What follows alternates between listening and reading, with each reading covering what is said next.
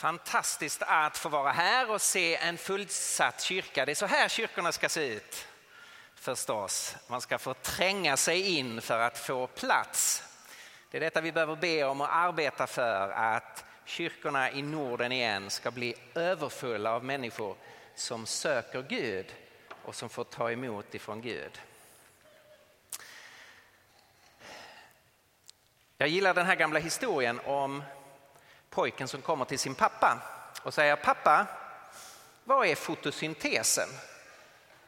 Fotosyntesen? Ah, det minns jag inte. Pappa, vad betyder epistemologi?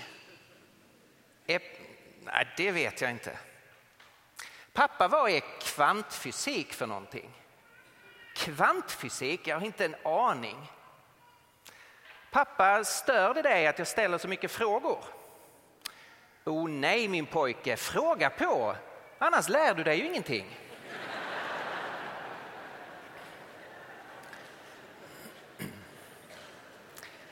Och så är det ju förstås. Man måste ställa frågor, man måste undersöka, man måste vara nyfiken för att lära sig någonting.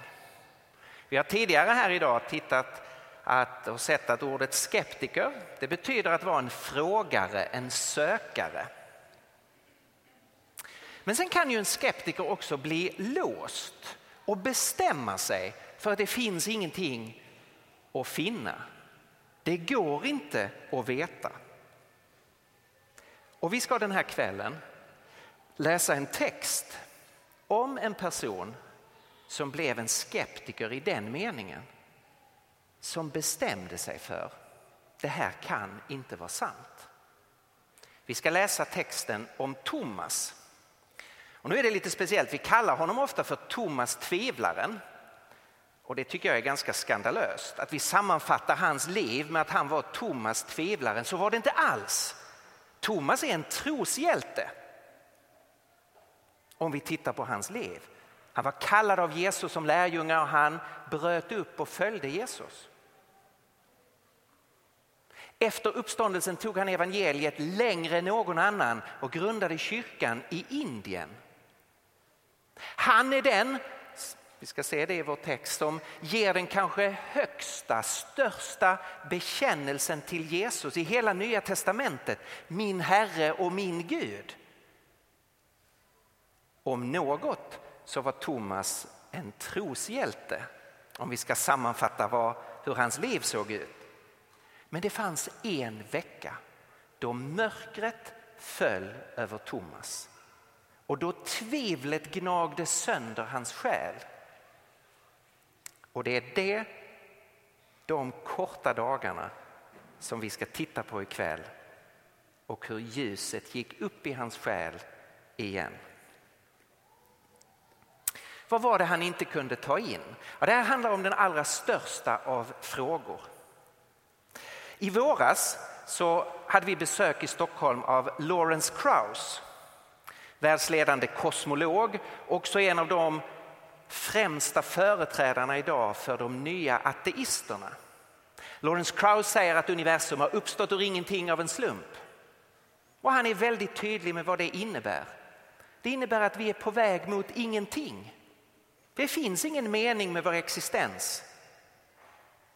Vår sol kommer att slockna, brinna upp. I slutskedet kommer det bli ohyggligt hett på jorden och allt liv kommer att förgås. Och sen slocknar solen och då blir det ohyggligt kallt. Och så kommer alla himlakroppar att slockna och värmedöden inträda i universum. Den kvällen i Stockholm, jag var inbjuden till ett panelsamtal med honom, det hade rubriken som var hämtad ifrån hans bok. We are more insignificant than we could ever have imagined. Vi är mycket mer obetydliga än vi någonsin kan föreställa oss. Och det är något av det mest deprimerande jag har läst i hela mitt liv. Det är så här du ska tänka om dig själv. Du är mycket mer obetydlig än du någonsin har kunnat föreställa dig. För du är på väg mot ingenting. Paulus ställer fram precis motsatsen. han talar om att genom Jesu uppståndelse så har liv och odödlighet förts fram i ljuset. I vår historia har Gud öppnat en dörr så att en ny sorts liv, en ny sorts existensform som aldrig ska gå under har visat sig. Han har fört liv och oförgänglighet fram i ljuset genom evangeliet. Här har vi alternativen. Och det var det här alternativet som Thomas inte kunde ta in. Att det verkligen är sant att ett oförstörbart liv faktiskt har brutit igenom i vår historia. Låt oss läsa texten. Det är från Johannes 20.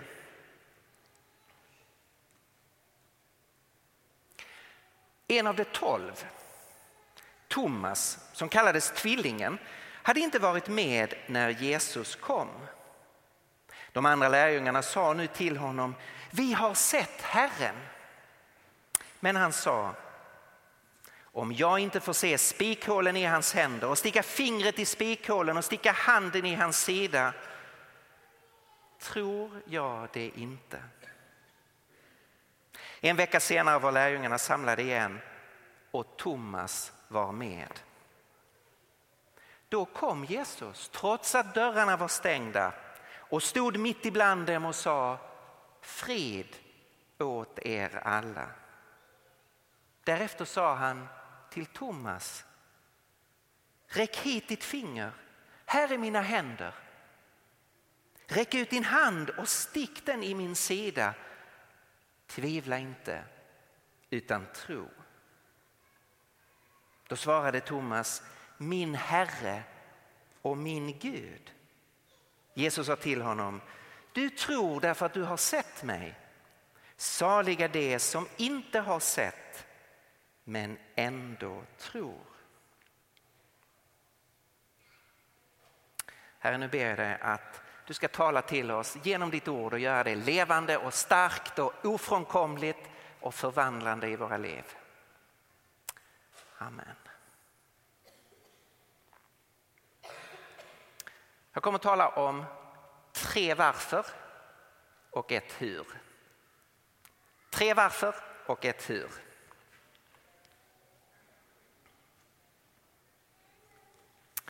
För det första, varför tvivlade Thomas?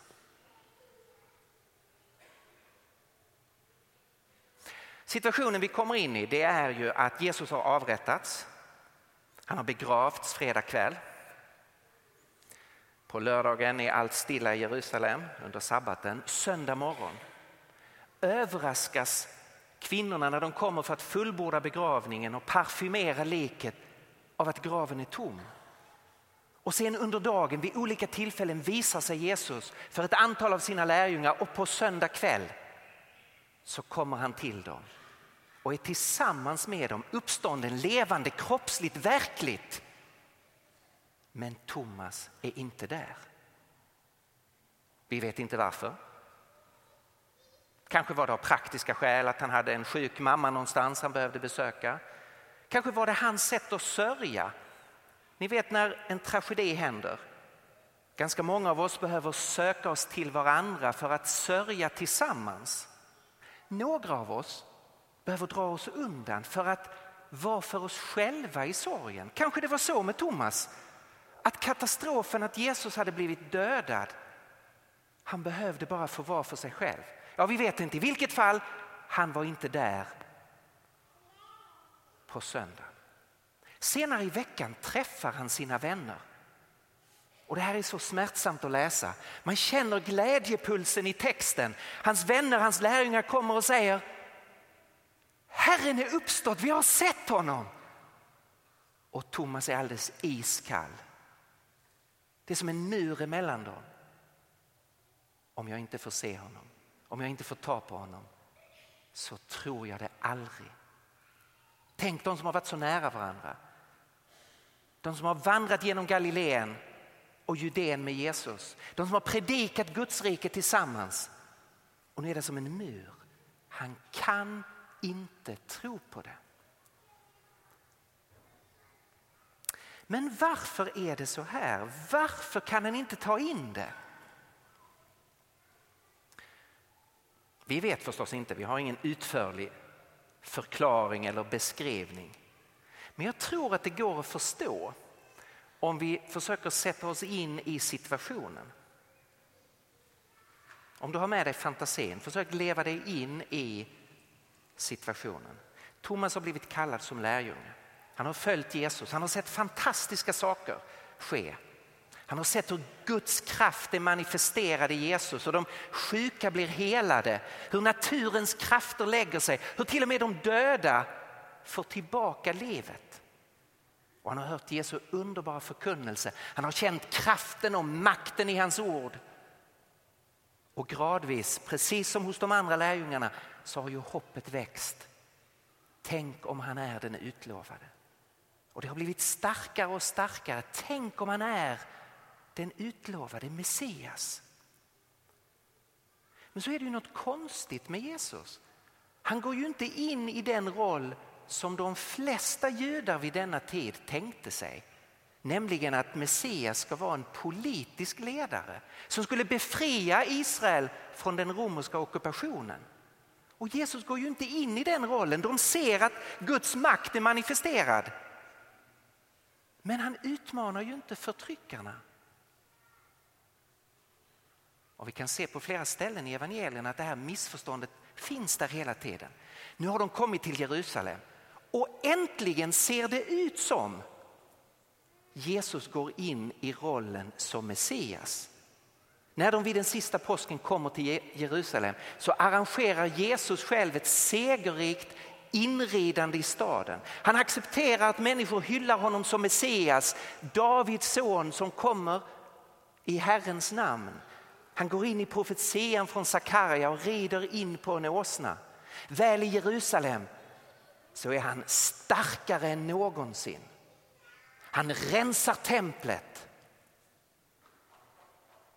Auktoriteterna i Jerusalem försöker utmana honom. Det kommer våg efter våg efter våg av kritiker. Det är, så det är offentliga debatter på tempelplatsen. Och Jesus är fullständigt suverän. Han underminerar varje kritik. Kan ni, kan ni, kan ni ställa in, sätta er in i, i känslan som de får? Nu kommer det. Nu äntligen går han fullt ut i rollen, går in i rollen fullt ut som Messias. Han kommer att detronisera Pilatus. Vi vet att han har makten att göra det. Och så kommer katastrofen. Torsdag natt i Getsemane, Judas kommer med soldaterna och Jesus gör inget motstånd. Han låter sig fängslas. Han förs till förhör. Han låter sig torteras och plågas och han använder inte sin makt. Han döms till döden Svag och hjälplös, sårad förnedras han i de romerska soldaternas händer och han dör som en kriminell. Allt rasar för alla lärjungarna. Han kan inte vara Messias. Messias ska besegra den romerska ockupationen. Jesus har blivit besegrad av den romerska ockupationen. Detta är mörkret som har fallit över Thomas. När hans vänner säger han är uppstånden så säger han no way.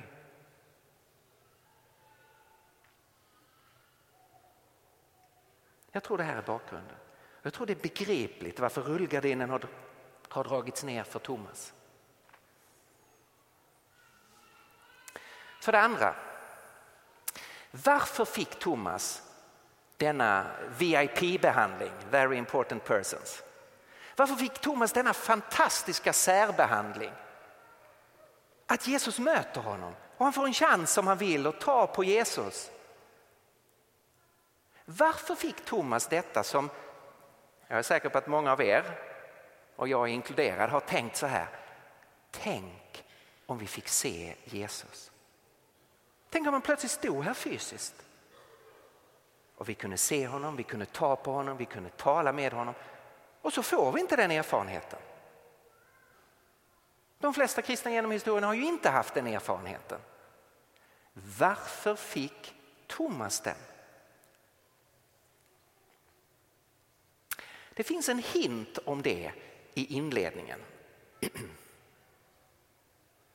Och som är ganska mycket annat så är det Tim Keller som har eh, gjort mig uppmärksam på det här. Tim Keller som är eh, pastor i Redeemer i New York. Det finns en del väldigt bra böcker av honom på bokbordet. Texten började med att säga en av de tolv Thomas. Det är lite förvånande i kapitel 20. Thomas har varit med i texten tidigare. Vi förstår mycket väl att Thomas syftar på en av Jesu lärjungar. Sådana här små detaljer, sån här liten onödig förklaring, den finns där ofta därför att författaren vill understryka något. Att Thomas fick denna VIP-behandling berodde på att han var en av de tolv. Låt mig förklara.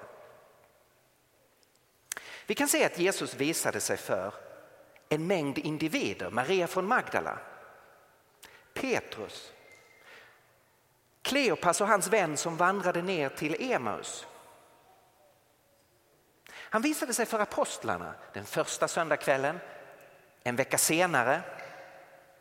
Och så visade han sig för stora grupper. Den största gruppen över 500 personer vid ett och samma tillfälle. Men det som är nyckelgruppen här, det är apostlarna. De har en speciell funktion. De visar sig Jesus för vid upprepade gånger, vid många tillfällen, därför att de ska vara hans nyckelvittnen. Och det här är väldigt tydligt i Nya Testamentet. Låt mig läsa några ställen. Apostlagärningarna 1. Jesus framträdde för dem, och det syftar på apostlarna, efter att ha lidit döden och gav dem många bevis på att han levde då han under 40 dagar visade sig för dem och talade om Guds rike. Och under en måltid tillsammans med dem sa han under 40 dagar, det är sex veckors tid, vid många tillfällen visade han sig, inte bara en kort stund utan vid, under längre tidsperioder. Så de åt tillsammans, hade diskussioner tillsammans. Så att här var en grupp människor som såg honom, hörde honom, talade med honom, rörde vid honom och åt tillsammans med honom efter uppståndelsen. Så här säger Petrus i kapitel 10. Gud uppväckte Jesus på tredje dagen och lät honom visa sig, och lyssna nu, inte för hela folket utan för vittnen som Gud i förväg hade utvalt, nämligen för oss som åt och drack med honom efter hans uppståndelse från de döda. Det här var Guds plan, att Jesus skulle visa sig för en utvald grupp vittnen och där är apostlarna själva huvudgruppen. Sammanlagt är det många, över 500. Men här är gruppen av apostlar som är den riktigt centrala gruppen. De fick alldeles speciella sorters erfarenheter av den uppståndne. Den här första kvällen som Thomas missade jag vill gärna läsa om den från Lukas evangelium för jag tycker det här är så viktigt. Vad var det som hände? Jag tror en del av oss föreställer oss att det som skedde var att lärjungarna hade någon sorts andlig vision. Att de liksom, som i en dröm såg något eller som i en syn såg någonting. Nej, nej, nej, nej, nej. Inte alls. Det var inte alls det som hände. Lyssna vad Lukas berättar om. Medan lärjungarna ännu talade, det här är söndag kväll, första söndagen efter uppståndelsen. Medan de ännu talade stod Jesus plötsligt mitt ibland dem och hälsade dem frid över er. De blev rädda och i sin förskräckelse trodde de att det var en ande de såg. De ingen har förväntat sig uppståndelsen. De blev paralyserade och deras första tolkning är det här är någon sorts andlig uppenbarelse. Men Jesus sa, varför blir ni skrämda? Varför fylls ni av tvivel? Se på mina händer och mina fötter, det är jag och ingen annan. Känn på mig och se på mig. En ande har inte kött och ben. Och det kan ni se att jag har. Och han visade dem sina händer och sina fötter. De är fortfarande som paralyserade trots att de kan ta på honom. Och det är nästan, nästan komiskt. Jag föreställer mig att det är ett leende över Jesu ansikte. Då de av idel glädje och förvåning ännu inte kunde tro frågade han, ja men ge mig någonting att äta. Och någon i köket skickar ut en bit stekt fisk och Jesus tar den och äter den. Och där någonstans bryts deras förtrollning. Det här är på riktigt, han är här! Och sen samtalar de med honom. Det är detta som gör att Thomas också får vara med om detta. Därför att han ingår i den här gruppen som ska kunna vittna om dessa speciella sorters erfarenhet som verkligen är bevis på att Jesus lever. När jag talar om det här bland studenter i Sverige så får jag en massa invändningar. Och folk säger så här. Ja, men vad är detta för strategi? Varför gör Gud så här? Varför visar sig inte Jesus för många fler? För alla? Och nu kan man säga att det är lite tokigt att invända mot Guds strategi. Om det finns en Gud så vet han vad han gör. Det är ju lite som om jag skulle ringa till vår nationalhjälte när det gäller fotboll. Om jag slår en signal till Zlatan Ibrahimovic och säger kan du inte komma över till mig i Nacka så ska jag lära dig några fina finter. Alltså det är lite patetiskt, hur skulle jag kunna lära Zlatan någonting? Och på ett sätt är det ju patetiskt, hur skulle jag kunna ha en bättre strategi än Gud?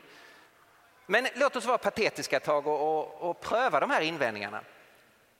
Varför använda det här sättet att några får se och sen får resten ta emot det från vittnena?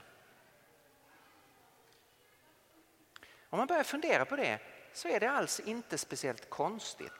Nästan allt du vet, vet du på det sättet och du betvivlar det inte för ett ögonblick. Låt mig ta ett väldigt enkelt exempel. Hur vet du vad som är din födelsedag? Ja, det är någon som har sagt det till dig. Din mamma till exempel, för hon var där. Det känns väl inte speciellt osäkert? Du vet en massa saker om Australien eller Nya Zeeland eller, och de flesta av er har inte varit där, eller hur? Var har du fått den kunskapen ifrån? De som har varit där har berättat. Det är inget konstigt alls. Det mesta du vet, vet du genom vittnen som har berättat det för dig. Det här är inget konstigt, det är grundläggande i mänsklig kunskap. Ja men okej okay då, vittneskunskap är viktigt. Men borde han inte visa sig för fler? Det här känns så begränsat. Verkligen? Över 500. Det är ju enormt många. I en domstol räcker det, har, har du två vittnen, har du tre vittnen? Fullt tillräckligt. Ingenting skulle bli starkare om det var 501 vittnen eller 502. För redan långt innan dess så är det fullt tillräckligt bevittnat. Du behöver inte ens 500 och nu har vi över 500 vittnen. Ja men, säger skeptikerna i Sverige, varför visar han sig inte för sådana som oss? Han visade sig bara för sina vänner, han borde väl visa sig för de som var kritiska mot honom. Och jag svarar, kom igen, han visade sig bara för skeptiker och kritiker, inte för någon annan. Ingen förväntade sig att han skulle uppstå. Maria från Magdala gick för att fullfölja begravningen. När Petrus kommer till, till graven och ser att den är tom så vet han inte vad han ska tro. När han visar sig för apostlarna tror de först att det är en ande. Det är bara skeptiker Jesus visar sig för. Ja, men, men borde han inte visa sig för de som är riktigt kritiska då? Ja, det gör han ju. Han visar sig för Jakob, sin egen bror, som inte trodde på honom innan uppståndelsen. Och han visar sig för Paulus, den mest kritiska av alla. Han som är den aggressive förföljaren av den kristna kyrkan. Så han visade sig för de som var skeptiska och de som var kritiska och de kom till tro.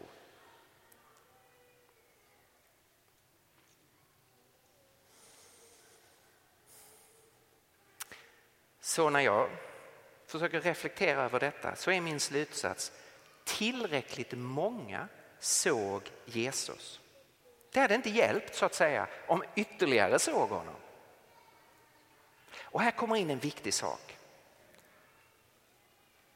Om man kommer till tro på Jesus så gör man inte det bara utifrån fakta. Det finns en grundläggande ytterligare dimension, nämligen var är vårt hjärta? Vill jag ha med Jesus att göra? Erkänner jag mitt behov av honom eller vill jag leva för mig själv? Tro handlar också om omvändelse. Om jag bejakar att Jesus är uppstånden kommer det att ställa hela mitt liv på ända. Om jag inte vill det, då är det det enklaste sättet att förneka att han har uppstått. Tänk på vad Jesus berättar i en liknelse där han säger Lyssnar de inte till Mose och profeterna då låter de inte övertyga sig ens om någon står upp från de döda. Inte ens om Jesus hade visat sig för alla människor idag så hade alla kommit till tro i meningen att man hade velat följa Jesus. Därför att det har också med hjärtat att göra.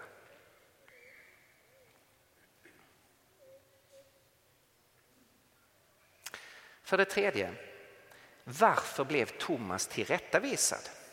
Här är något lite egendomligt i texten. Att å ena sidan visar sig Jesus för Thomas och å andra sidan verkar han kritisera Thomas för att han behöver visa sig för honom. Hur hänger det här ihop?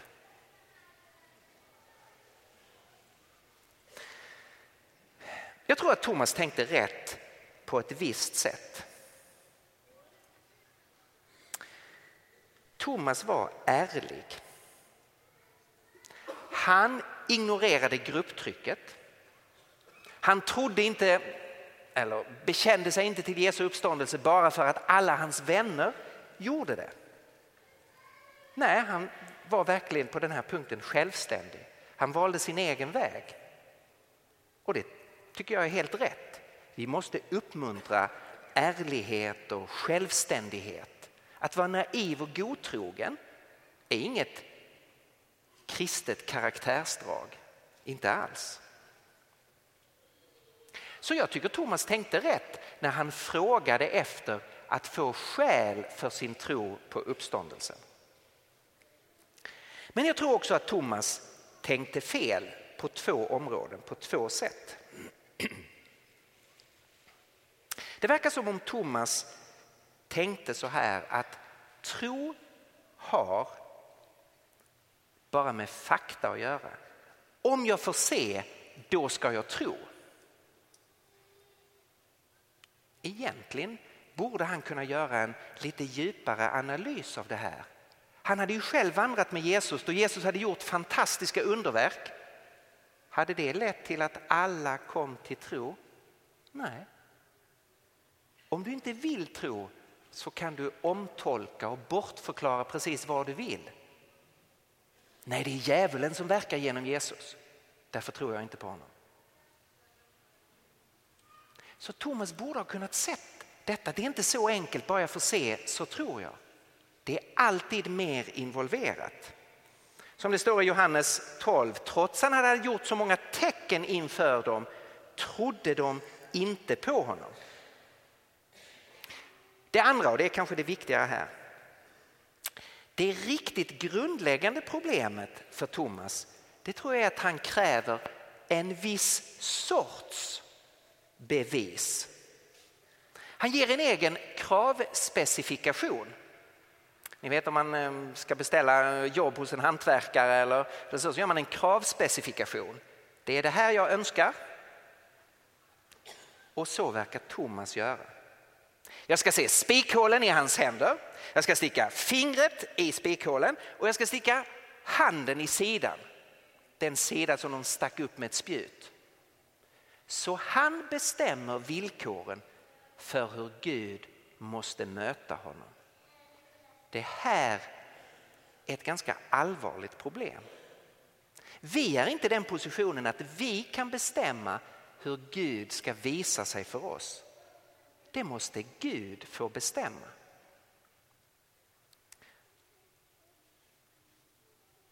Vi vet det här när det gäller mänskliga relationer, eller hur?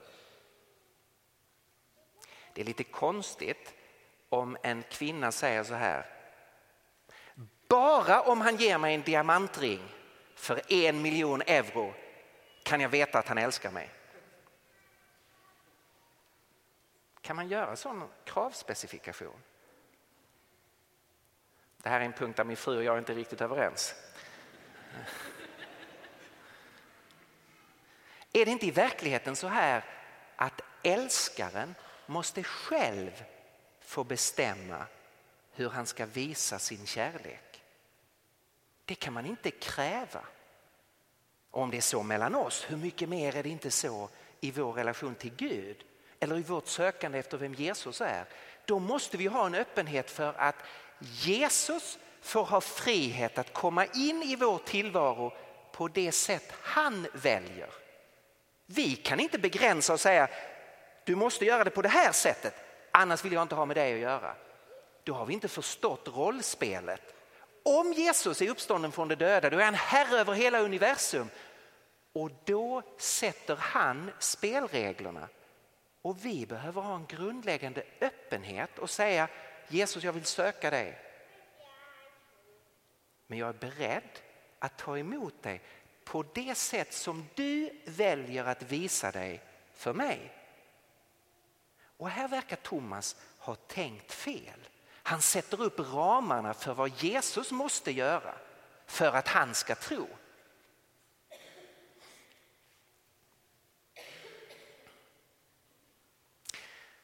Vad ligger det då i den här kritiken som eh, Jesus verkar ha till Thomas? Salig den som inte sett men ändå tror. Det här är tyvärr ett väldigt ofta missförstått ord. Jag vet inte hur många gånger jag har hört predikningar som utlägger det som att det är mycket bättre att tro utan att ha några argument för det. Att tron är rikare ju mer irrationell och oförståndig den är. Som om det är det Jesus skulle säga. Men det kan det absolut inte betyda. Det här kan ju inte vara en kritik av att man vill se den uppståndne. Hur kom Thomas vänner till tro? Genom att de såg honom. Och det är Jesus som låter sig ses. Så Johannes såg och trodde.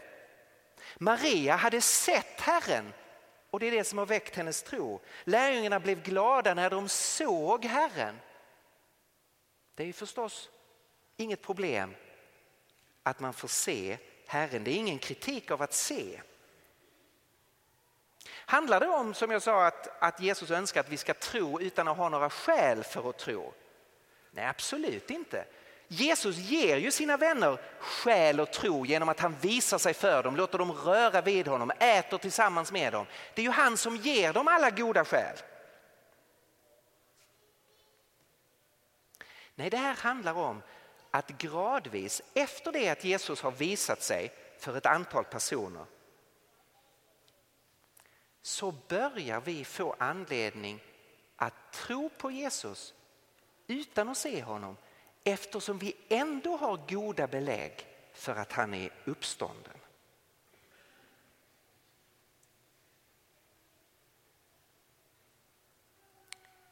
Thomas hade ju nu vittnesbördet från tio av sina apostlavänner.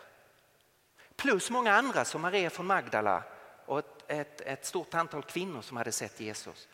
Han börjar ju ha anledning att tro på Jesus utan att själv har sett honom. Och det är det som Jesus kritiserar. Så för att sammanfatta det här så tror jag att den här dubbeltydigheten som finns är väldigt viktig för oss att se. Det var nödvändigt för Thomas att möta Jesus, få se honom och ta på honom eftersom han tillhörde apostlagruppen. Eftersom han tillhörde VIP-gruppen som skulle intyga uppståndelsen för resten av mänskligheten. Men det var redan onödigt för Thomas som lärjunge. Därför att han hade redan efter den första söndagen de skäl som alla kristna sen genom historien har haft för att tro på Jesu uppståndelse. Nämligen apostlarnas vittnesbörd. Kombinerat med att han ju hade vandrat med Jesus och hört Jesus själv säga jag kommer att dödas men efter tre dagar uppstå. Kombinerat med att han hade gamla testamentets profetior. Han hade redan, om han hade haft ett öppet sinne, kunnat komma till tro på uppståndelsen utan att se Jesus. Nu eftersom Jesus visade sig för Thomas så har vi, har vi ytterligare skäl att tro på uppståndelsen. Också Thomas fick se honom och ta på honom. Men det är det här som Jesus kritiserar. Det fanns redan goda skäl. Varför trodde han inte på Petrus eller Maria från Magdala? Vad fanns det för anledning att tro att de ljög om detta? Han kunde ju själv gå till graven och den var tom, där fanns ingen kropp. Han kunde ju se förvandlingen i deras liv, de som hade varit rädda och sorgsna var nu alldeles uppfyllda av glädje. Thomas, varför trodde du inte utan att se? Det hade ju inte varit någon blind tro, det hade ju varit en välgrundad tro på många människors övertygande vittnesbörd. Det är kritiken.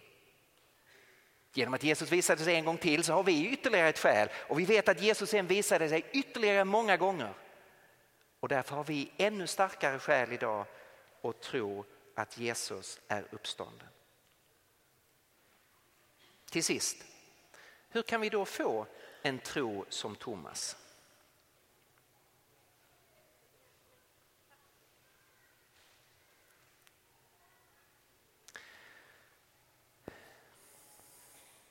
Vi behöver lyssna med ett öppet sinne till apostlarnas undervisning. Det var ju det här som var problemet för Thomas. Han hade låst sig. Så när de sa vi har sett Herren så var han inte öppen för det. Han bara avvisade utan att undersöka det, ställa följdfrågor, pröva det. Det var ju där han gick snett. Vi behöver lyssna från början med ett öppet sinne till apostlarna och det gör vi ju genom att läsa vad de har skrivit. Att ta det på allvar, det som finns i Nya Testamentet. Att undersöka och studera och pröva vittnesmålen från dem som såg honom, tog på honom, åt med honom, talade med honom.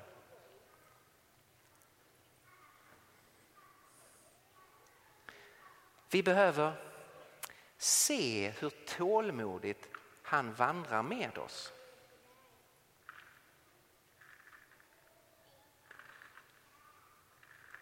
Någonting måste ha slagit Thomas med förödande kraft.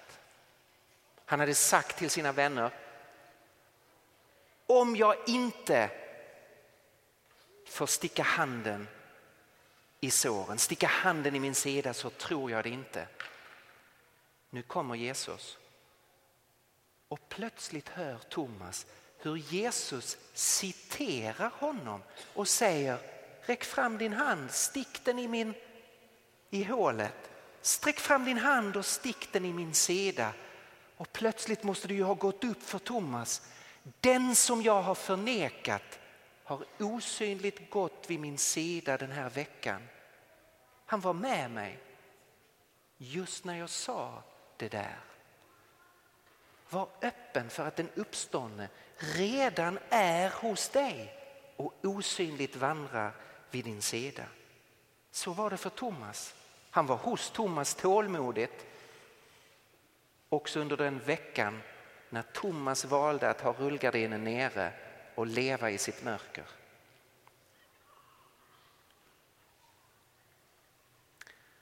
Ge upp dina hemmagjorda villkor. Lägg åt sidan alla de där listorna som vad Gud måste göra för att du ska börja tro på honom. Det är en återvändsgränd.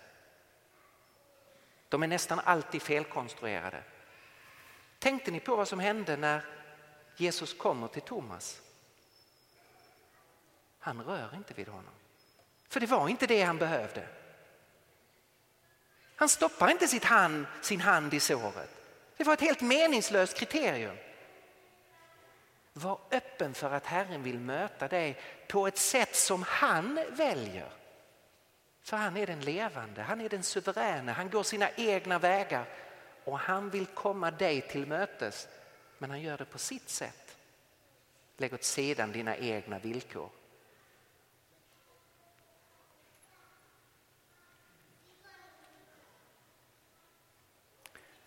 Ta emot Jesu fred.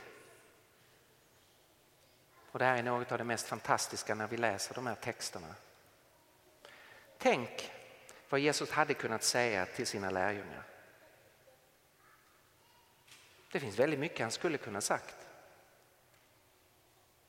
Hur kunde ni somna i ett sema? Det var min mörkaste stund. Jag behövde stöd mer än någon annan gång och ni bara somnade ifrån mig. Hur kunde ni fly i natten när jag blev gripen och stod där ensam? Var var ni någonstans?